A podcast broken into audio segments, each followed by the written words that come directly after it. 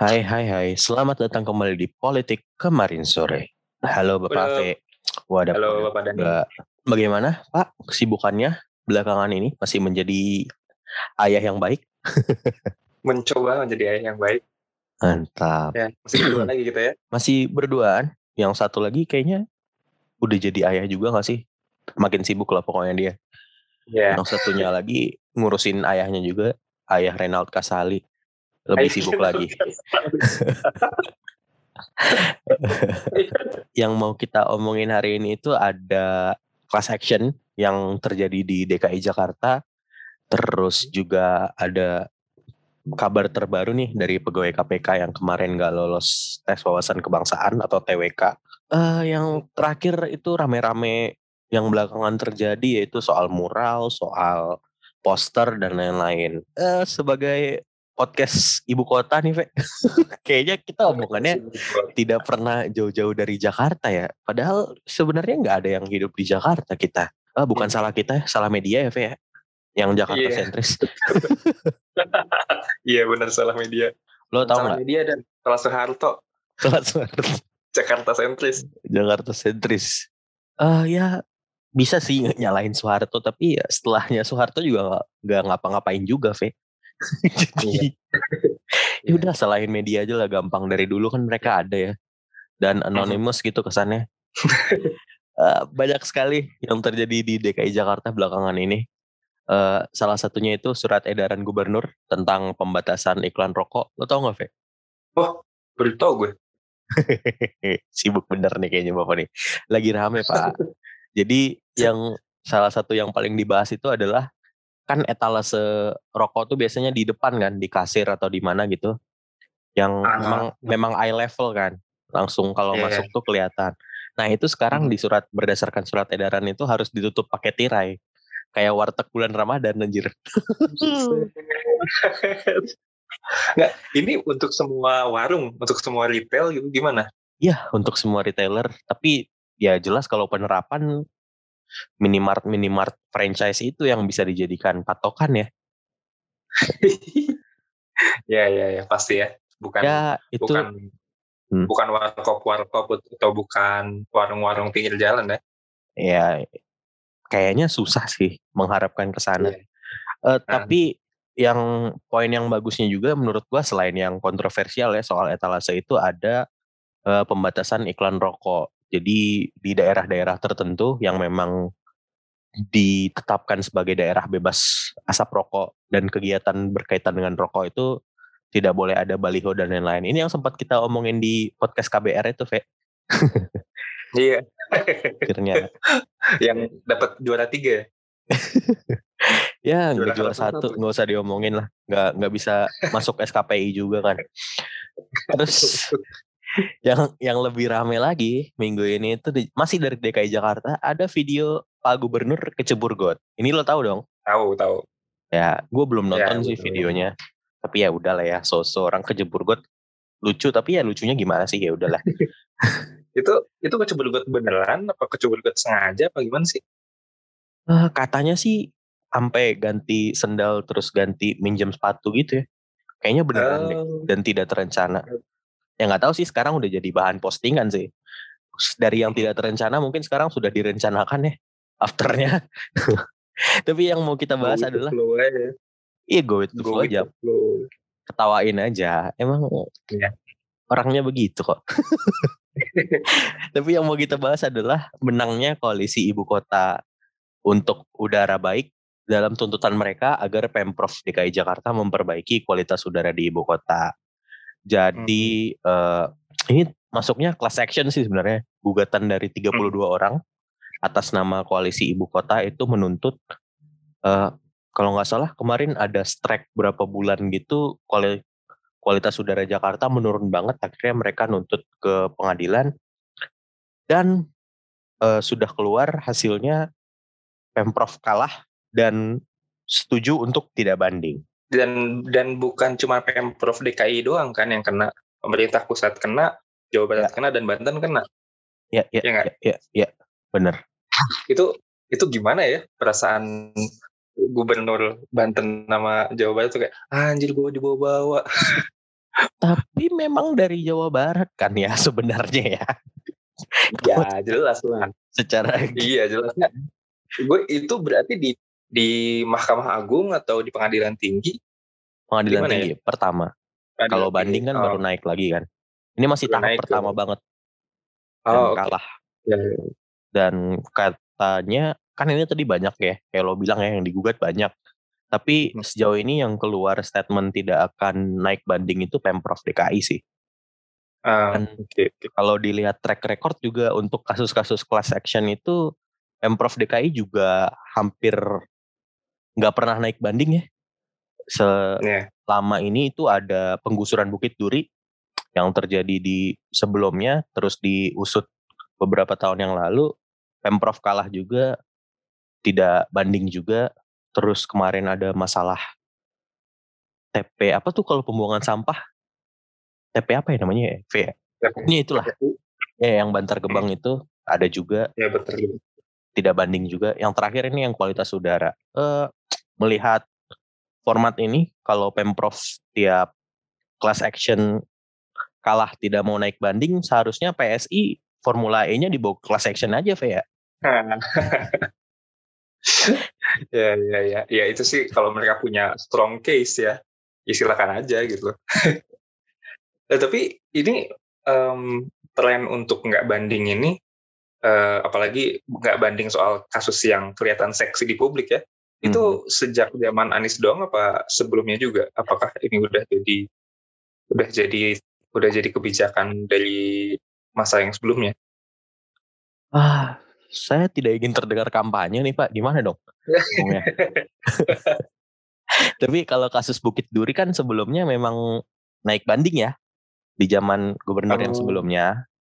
Karena kan betul, kan dituntutnya waktu itu tuh penggusurannya.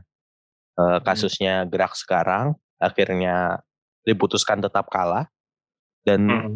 tidak lanjut lagi kalau pemprov yang sekarang. Karena sebenarnya ada alasannya sih kenapa pemprov tidak uh, mengajukan banding karena saat si tuntutan ini dilayangkan ke pengadilan tinggi juga ada surat edaran kan dari pemprov yang mulai kayak nyari quick wins gitu misalnya hmm. pembatasan angkot itu nggak boleh di atas 10 tahun terus kalau hmm. ada ada pembatasan kegiatan incinerator gitu-gitu jadi sebenarnya mereka sedang melakukan perbaikan tapi ya tuntutan class action ini akan memberikan pijakan yang lebih kuat buat teman-teman bisa mendesak Pemprov agar serius melakukan perbaikan yang mereka rencanakan. Dan ada paksaan ya, ada paksaan hukum gitu ya. Ya, ya. Nah, sebenarnya yang menarik adalah karena ini kan jadinya melebar ke uh, gubernur-gubernur provinsi lain bahkan ke KLHK ya. Ya, harusnya ke sana sih pusatnya. Ke KLHK betul. Dan kalau kita ngelihat trennya KLHK itu ada sekian banyak kasus sebelumnya yang mereka kalah juga yang di Kalimantan yang di kalau nggak salah di Sumatera waktu itu juga mereka tuh mhm. nggak mm -hmm. nggak banding nggak banding tapi nggak mm -hmm. dikerjain juga. Nggak dikerjain juga. Putusan hakimnya nggak dikerjain juga. Jadi ya kita lihat aja lah ke depannya gimana. Gue sebenarnya um, menarik menarik sebenarnya ngelihat responnya Ridwan Kamil sama siapa sih yang gubernur Banten. Ya itulah pokoknya. Sebenarnya menarik karena gue udah ngelihat gue udah nggak nggak heran sama um, responnya Anies. Dia ini kan orangnya sangat-sangat fleksibel secara politik ya. Gue sangat-sangat bisa riding the wave untuk mengubah yang kalah ini menjadi kemenangan di depan gitu loh. Ya. narasi narasi di sosmednya juga kan seperti itu gitu. Pivotnya bagus lah. ya iya ya dan um, justru justru justru memang ini jadi jadi jadi momentum yang bagus karena dalam beberapa hari terakhir kalau lo lihat di website ataupun di aplikasi-aplikasi soal kualitas udara Jakarta lagi bagus-bagusnya sekarang gitu Iya, benar. Jadi itu momentum yang bagus gitu buat oh ya, ya udah bagus kok akhir-akhir ini ayo kita lanjutin gitu. Si nah, pemimpin salah satu pemimpin koalisinya Piotr apa gitu namanya. Tadi udah hmm. mention-mentionan kok di Twitter dengan mesra uh, menyatakan kesiapan bekerja sama. So, hmm, mari berharap bener-bener kerjasama atau kalau mau yang menyebarkan teori konspirasi sebenarnya class action ini adalah kepentingan pihak-pihak NGO ya tidak apa-apa juga Just ya, go masalah asalkan scenarios. Asalkan kualitas udaranya membaik aja sih pokoknya udah itu aja gue nggak peduli yang lain-lain sebenarnya. Ya, ya, ya, ya. Uh, ya. Dari yang agak-agak santai dari perdebatan media sosial, mari kita bergeser ke perdebatan yang lebih rumit tapi sebenarnya sudah selesai lama, Ve. Uh. Hari ini gue baca banyak tweet sedih dari pegawai KPK, mulai dari Pak Yudi, Pak Yudi. Purnomo, salah satunya yang dia cerita pagi-pagi ke kantor buat beresin barang karena nggak sanggup kalau datang siangan itu harus ketemu sama teman-teman yang lain gitu. hmm. Wah sedih banget ya bacanya. Jadi sebenarnya kan ini isunya udah lama ya, Ve. Si yang gak lulus tes wawasan kebangsaan itu ya cabut lah dari KPK nggak bisa dia apain lagi. E, ketuanya juga udah nolak nyabut surat pemecatannya. Yeah. Hari ini tuh sebenarnya tanggal apa? mereka terakhir kerja kah atau apa? Iya, hari ini tuh uh, banyak yang kemudian secara formal um, hari terakhirnya gitu. Hmm, hmm. Benar-benar ngambil semua barang-barang dan ya mungkin gue nggak ngerti apakah ada surat yang bikin hari ini hari terakhir atau mereka janjian gitu udah hari ini hari terakhir yuk gitu. gue nggak gue nggak ngerti eh, nggak uh, tahu uh, kasusnya seperti apa. Tapi uh, memang terlihat seperti rombongan anak SD mogok ya kalau janjian gitu iya. nggak masuk kantor ya yeah. tapi memang it's it's personal kan sebenarnya oh ini ini ini sebuah apa ya sebuah ya ini sakit hati banget pasti karena it, it's personal banget buat mereka gitu ya yeah. um, akhirnya sekian sekian lama mencoba untuk memberantas korupsi terus akhirnya mereka sendiri yang diberantas gitu bahkan buat gue yang um, mungkin tahun 2019 ketika UU KPK disahkan itu ya gue hmm. masih mahasiswa masih turun ke jalan gitu ya buat gue itu um, ketika disahkan gue udah putus asa tuh kayak wah anjir udah ini rest in peace KPK gitu ketika itu hmm. gue hmm. sebagai sebagai mahasiswa tuh mikirnya kayak gitu tapi selama dua tahun itu, ini orang-orang di dalam KPK, wadah pegawai, uh, benar-benar penyidik-penyidik yang teladan gitu ya, itu benar-benar mereka bertarung di dalam gitu, benar-benar dengan segala macam kesulitannya.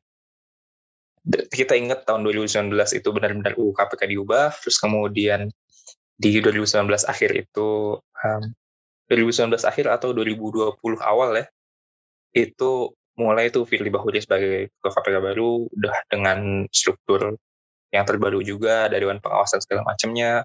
Ya, ya. Sepanjang 2020 itu Dewan Pengawasnya ngaco terus, ya. pimpinannya ngaco terus. Sepanjang 2020, terus kemudian akhirnya 2021 di awal tahun ini ya, mungkin dari, di awal sampai pertengahan ini, puncaknya adalah ketika TWK dan akhirnya dipecat gitu. Yeah. Ini menurut gue sih udah the final dia udah nail in the coffin lah, bener-bener kayak top terakhir gitu. Dan uh, gue sendiri sebagai gue sendiri sebagai orang yang merhatiin, gue tuh sebenarnya udah putus, iya gue udah putus asa sejak 2019 gitu. Terus kemudian kayak, yeah. ayo udah kita move on ke ke harapan harapan ini yang lain gitu walaupun sebenarnya di tahun 2021 itu masih ada harapan dari ombudsman. Ombudsman itu bilang kalau uh, ombudsman itu semacam apa ya? Semacam lembaga independen yang mengawasi uh, lembaga independen yang mengawasi uh, operasional pelayanan publik. Hmm. pelayanan publik gitu. Dan itu ya. ombudsman itu sudah sudah mengeluarkan statement kalau itu harus dicabut. Uh, surat keputusan harus dicabut, TWK, uh, eh, tes wawasan kebangsaan itu juga harus dicabut hasilnya segala macamnya. Tapi ya siapa lah ombudsman kalau Jokowinya nggak mau gerak gitu? Uh, setahu gue, kan, kan gue pernah ikut ini apa? Gue kan baraya ombudsman ya ceritanya dulu tuh. uh, setiap keputusan dari ombudsman itu hanya bisa jadi saran dan nggak bisa jadi uh, apa tuh istilahnya jadi landasan untuk menolak atau mengiyakan suatu kebijakan sih. Jadi ya Iya. kalau lo maksudnya lo udah gimana ya? Dari 2019 itu ganti struktur bukan hanya struktur. Mereka nambahin di atasnya oversight-nya lagi tuh ada dewan pengawas. Hmm. Dewan pengawasnya orang mereka, terus pemimpinnya juga dari mereka. Ya, it will never be an equal fight sih buat teman-teman yang tidak lolos ini.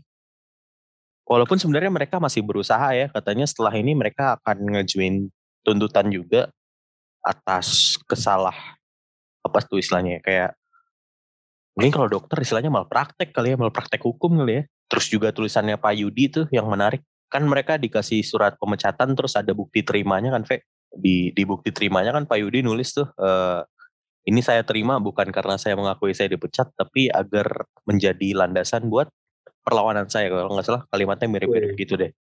Iya, Eh, iya, iya. Ya tapi ya kita yang dari luar ngelihatnya kayak ya walaupun David gue lihat menarik kalau Davidnya menang tapi ya ini kayaknya gue lihatnya tujuh deh Pada susah pada akhirnya sih gue gue kasihan gitu loh. Jadi kayak, aduh bapak-bapak ibu-ibu kok masih ngelawan sih gitu. Kayak gue gue udah tahu gue udah tahu mereka nggak akan menang gitu loh. Dan ombudsman, publik, media massa, mata najwa, mendukung gimana pun pada akhirnya di struktur yang sekarang yang nggak akan menang gitu. Hmm, hmm, hmm. Mau nggak mau ya kita nunggu 2024 gitu loh. Gue sih udah udah tinggal nunggu itu aja. KPK ya nggak akan nggak akan lanjut kecuali mungkin buat nangkep nangkep yang klaster kayak wali kota Cimahi gitu. Cimahi itu yang namanya Ajay Ajay itu kan sih lucu banget emang sampai sekarang Iya ya. memorable anjir tapi tapi ada ada selentingan lucu sih Ve. ada kabar beberapa orang itu yang tidak lolos TWK ditawarkan untuk dipekerjakan di BUMN BUMN Hmm. Jadi mereka diminta mengundurkan diri sebelum dapat surat pemecatan. Terus mereka dijanjikan disalurkan ke BUMN BUMN. Ini kan jadi kayak ya yang penting mereka keluar aja nggak di KPK gitu kan. Iya dan oh, kemudian keep their mouth shut gitu. Iya. Kalau udah di BUMN kan nggak mungkin jadi aktivis kan. ya sih lebih Ah. lebih yes bos lagi. Tapi ini kan kayak jadi satu kayak nggak nyambung gitu logiknya, Ve. Lo dikeluarkan karena lo Iya, radikal, Bener bener. Heeh. tapi lo dimasukin ke BUMN yang lagi reformasi ngeluarin orang-orang radikal juga gimana sih? Apa gue gue lagi bingung gitu apa tes TWK ini kalau diambil berulang kali hasilnya bisa beda ya kayak rapid antigen gitu kayak ada false positifnya gitu kadang-kadang lo radikal kadang-kadang lo non radikal Dan em, jelas kompetensinya kan beda ya. Jadi penyidik KPK dengan kemudian jadi komisaris di BUMN itu kan beda beda kompetensi ya. Yang satu kemudian kompetensinya di penyidikan, di penegakan hukum, di yang satu lagi eh, kompetisinya di kampanye ya Iya. yang satu lagi kompetisinya jadi kompetensinya jadi buzzer ya gimana? Ngapain? aduh tapi ya kita nggak perlu ragu sama mereka lah maksudnya Ya. udah berani ngejawab dengan jujur tes wawasan kebangsaan itu aja artinya mereka nggak akan tergiur lah sama jabatan BUMN Iya. More than kasihan, more than marah. Sebenarnya gue sedih. Karena mungkin energi marah gue udah habis di 2019 kali ya. ya Tapi kayak sedih kita aja. udah kayak ya gue ngerti sih poin lo tadi kayak kita udah ah udahlah ini kayaknya nggak akan mau menang juga apa sih kemenangan kecil yang lo bisa dapatkan dari semua kekalahan beruntun sebelumnya gitu Ya, kayak capek doang Makanya- dapet mungkin mungkin ini ya, mungkin gue gue ngerasa lebih baik energinya digunakan untuk menggalang menggalang apa ya, menggalang support untuk 2024 gitu. Udah kita full on full on political practice aja sekarang gitu. nah don't buy it Full on nggak akan lah mereka nggak akan Iya. lah menurut gue sih Nah, maksud gue nggak nggak perlu kemudian full on gimana ya nggak perlu kemudian political practice itu jadi tiba-tiba jadi caleg atau gimana enggak tapi em, ada ada gelombang gitu yang ada gelombang yang dihimpun sama eh, ketidakpuasan ini ada gelombang yang dihimpun, dihimpun sama sama kemarahan-kemarahan ini untuk di 2024 gitu dan mungkin that's what they they're doing gitu mereka bikin isu ini relevan sampai 2024 bisa jadi ya dengan dengan cara mereka berjuang terus, ngelawan terus, ya mereka bikin isu ini relevan terus sampai 2024 gitu. Nggak akan kemudian tenggelam sama isu yang lain. Sebenarnya kan ada beberapa contoh uh, pimpinan KPK yang dikriminalisasi sebelumnya ya. Salah satunya itu yang akhirnya aktif berpolitik yang kayak lo bilang tadi menghimpun narasi perlawanan adalah Pak Bambang Wijoyanto. Oh, dan sama juga. iya, dan yeah. sepertinya publiknya juga tidak di belakang dia ujung-ujungnya. Tetap yeah. jadi bahan tertawaan ujungnya ketika lo turun langsung ke arena. Dia just stay away. Gimana sih? just be well in other place it's ya yeah, pada pada titik ini kita cuman wish them well aja ya. Masih masalah hukum. Belakangan ini rame juga soal penangkapan poster-poster yang hadir tiap kunjungan kerja presiden, Ve. Setidaknya hmm. di bulan ini aja ada tiga kali penangkapan.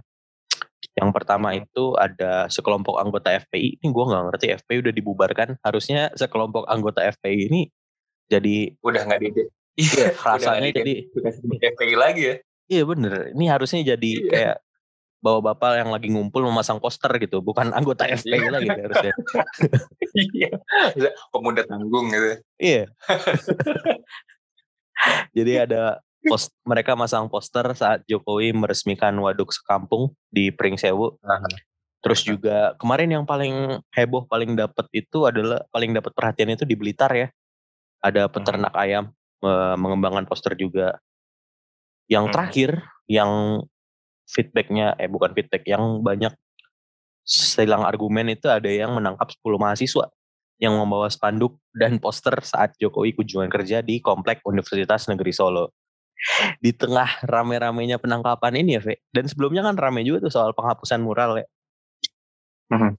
Polisi yeah. kita berakrobat nih, bikin wacana lomba mural untuk membuktikan mereka tidak anti kritik. Aduh. Oh my god. Kenapa mereka ini simple minded banget ya? yang diajarin yang diajarin di Akmil tuh apa sih sebenarnya? eh Akmil kok Akmil Akpol salah. Akpol. Estepol. Duh, gue gue punya beberapa teman yang masuk Akpol gitu dan I'd like to think they can do better gitu. Ya. They can. Just Semoga kita bisa do better ya. Cuman maksud gue bener-bener biner biner banget ya. Binary banget otak mereka gitu. Oh tidak. Kita tidak anti terhadap mural. Ini lomba mural gitu. Apa? Lo kira lo kira kita bocah Aduh. Maksudnya sekatrok-katroknya mereka gue yakin tetap ini ide datangnya dari konsultan sih. gue pengen nyari konsultan mana yang ada di balik ide ini. Kalau dia bikin lowongan kerja terus syarat penerimaannya adalah kreatif minded tuh pengen gue coret sih. aduh, aduh. Tapi um, is it is it something new loh? Apakah ini sesuatu yang baru soal mural, soal poster-poster ini?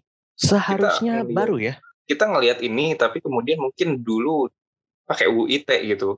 Dulu dijaga jaga sosmed tuh um, satu tahun dua tahun belakang gitu. Tapi kemudian sekarang berubah medianya, berubah juga penerapan hukumnya, ya nggak? Sebenarnya uh, ini kan poster-posternya sopan-sopan semua, Ve. Pakai kata iya, tolong. Iya.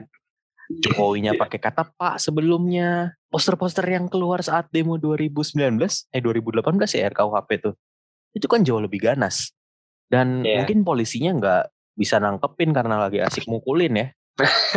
Iya, iya, iya ya pandemi aneh aja gitu kalau virus ini bisa mengubah strata mana yang harus ditangkap mana yang tidak tuh ya 2019 itu kan um, bisa dibilang gelombang aksi mahasiswa terakhir ya. Itu 2019 ya, kalau HP ya? 2019 itu. Okay. um, itu gelombang aksi mahasiswa terakhir. Setelah 2020 2021 itu nggak ada tuh nggak ada gerakan gerakan nggak ada gerakan yang sampai turun gitu. Jadi mungkin ya uh, kalau dari sudut pandang para para penegak hukum gitu ya, para kapol kapolda kapolda kapolsek kapolsek ini mungkin ya ini adalah saat yang tepat untuk merepresi hmm. ya karena um, 2019 mungkin seperti itu akan cukup banyak dapat dapat perlawanan di ya? jalan gitu. Iya, iya, iya. Iya. Sekarang mungkin sorotan banyak tetap aja, tapi kemudian ada perlawanan di jalan itu kan itu kan eh, pembedanya gitu. Sekarang Oh, yang seperti itu nggak ada perlawanan di jalan apa yang mau kemudian mau dil- dil- dilakukan di masa pandemi seperti ini gitu. BTW kita kan baru ganti Kapolri ya. Is it worth it though? 2020 Ya, bukannya. itu itu sesuatu yang berkaitan gak sih? Berbeda kebijakan? menurut gue sih kebijakannya tuh sama aja mungkin ini ada yang point out ini di Twitter dan menurut gue ini sangat-sangat benar yang nggak nangkep nangkepin itu itu not necessarily arahan dari Kapolri tapi lebih ke kepala polisi di daerah atau kota atau kabupaten apa pun lah itu Kapolsek Kapolda itu mereka hilang muka gara-gara Jokowi datang dan kemudian ada yang Hmm. protes gitu hilang muka Oke. gitu mereka mereka goodbye goodbye naik pangkat gitu kalau kayak gitu Hmm. nah jadi memang it's it's it's a sim apa gimana itu mungkin cukup cukup Ya, ya. sederhana tapi it's something in sedikit insightful lah gitu tentang bagaimana sistem kepolisian bekerja di Indonesia gitu Oke, oke. dan it's it's a bit worrying sih apalagi sih. kalau Ya. kemudian kondisi pandeminya lanjut terus ya terus kemudian civil society kekuatannya berkurang drastis ya Hmm, ya aduh Tapi kalau bisa narik garis besar nih ya dari kejadian tadi, KPK poster, penangkapan, terus mural kemarin, semuanya selalu ditutup dengan cerita yang sama ya. Presiden muncul mengeluarkan himbauan ya janganlah seperti itu. Iya. Semuanya biasa-biasa saja. oh my god seru banget ya Presiden gue nggak tahu ya. Maksudnya kalau ada timeline superhero mungkin emang dia harus muncul terakhir mulu ya. basically apa pun itu yang dikatakan di akhir itu meaningless kan itu Iya. nggak ada giginya sama sekali kan Udah dan kejadian. itu kejadian berkali-kali kali sampai kita ah, ngomong apa lagi nih presiden pada akhirnya ya itu cuman he he talks about doing something right tapi he never he never does it gitu pada akhirnya dia nggak walk the talk ngomong aja yang yang bener idealnya seperti ini idealnya seperti ini tapi kemudian ya ya yang yang kita butuhkan bukan itu gitu it comes to a point di mana gue nggak tertarik lagi presiden mau ngomong apa juga gitu Kayaknya udah lama ya kita nggak meramaikan obrolan tentang kutipan pidato presiden. Terakhir tuh kayaknya itu ya, eh, Winter is Coming. Kapan tuh terakhir GOT tamat? 2018, 2019. Iya betul betul betul betul. Eh. Betul betul betul. Kayaknya yang yang ada isinya dan up to date sesuai konteksnya tidak norak itu cuma itu ya. Setelahnya Hmm. terlalu banyak eh starmanship gitu. Ya. Ya, after all this just a show. Perform apa tuh? Apa ya namanya? Performing arts. Performative politics. Apa? Oh gitu ya. Performative politics. Seperti yang AOC lakukan ke Met Gala Anjas. Oh iya, ini kita keluarnya, gue gue benci banget sama baju EOC soalnya kita bahasanya dikit ya, Fe. Met, Met Gala.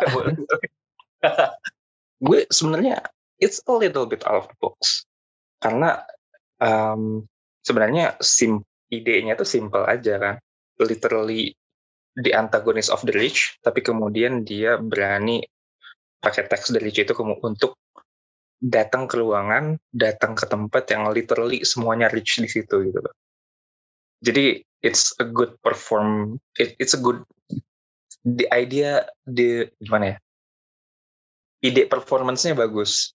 Gue nggak tahu apakah kemudian narasi setelah itu bisa dikontrol sama dia apa enggak gitu. Ya, udah lama ya AOC kayak gitu ya. Mulai dari asal nyebutin angka, terus calling out names di tiap rapat. Yang Hmm. terakhir text the rich, ya she's all that lah. Kita udah tahu dia bisa bikin stun-stun kayak gitu. Tapi ya setelahnya nggak ada. yang bisa dia golin sampai sekarang.